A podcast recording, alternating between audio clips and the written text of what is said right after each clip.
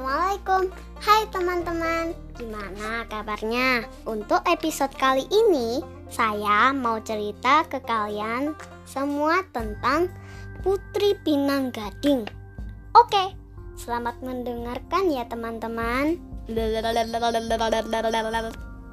Pada zaman dahulu Di Bangka, Belitung ada sepasang suami istri bernama Pak Indah dan Bu Indah. Loh, kok sama namanya? Ketika sedang berangkat ke laut untuk menangkap ikan, tanpa sengaja Pak Indah tersandung batang bambu. Berkali-kali Pak Indah tersandung bambu aneh tersebut.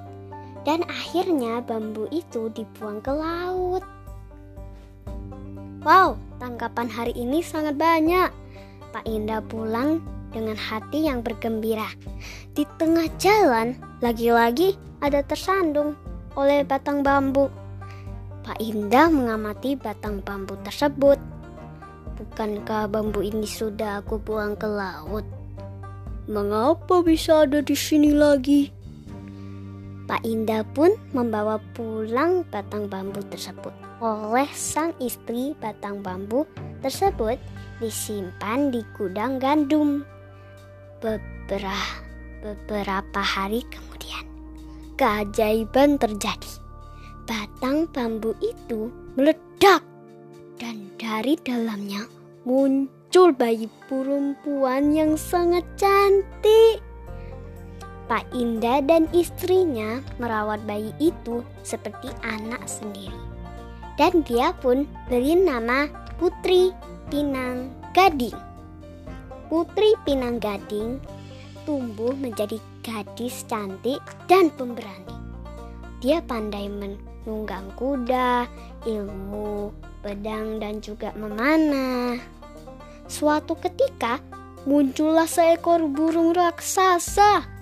Burung itu menyerang desa dan memakan semua ternak warga. Tidak ada satupun senjata yang mampu mengalahkannya. Putri Pinang Gading mengambil pila bambu dan merautnya menjadi anak panah. Anak panah itu batang bambu tepatnya lahir dulu.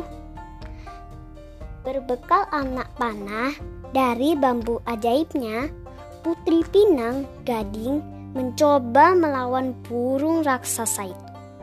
Satu serangan anak panah, burung raksasa pun tumbang seluruh penduduk mengadakan perayaan meriah dan berterima kasih kepada Putri Pinang Gading.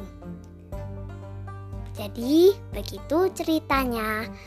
Assalamualaikum warahmatullahi wabarakatuh.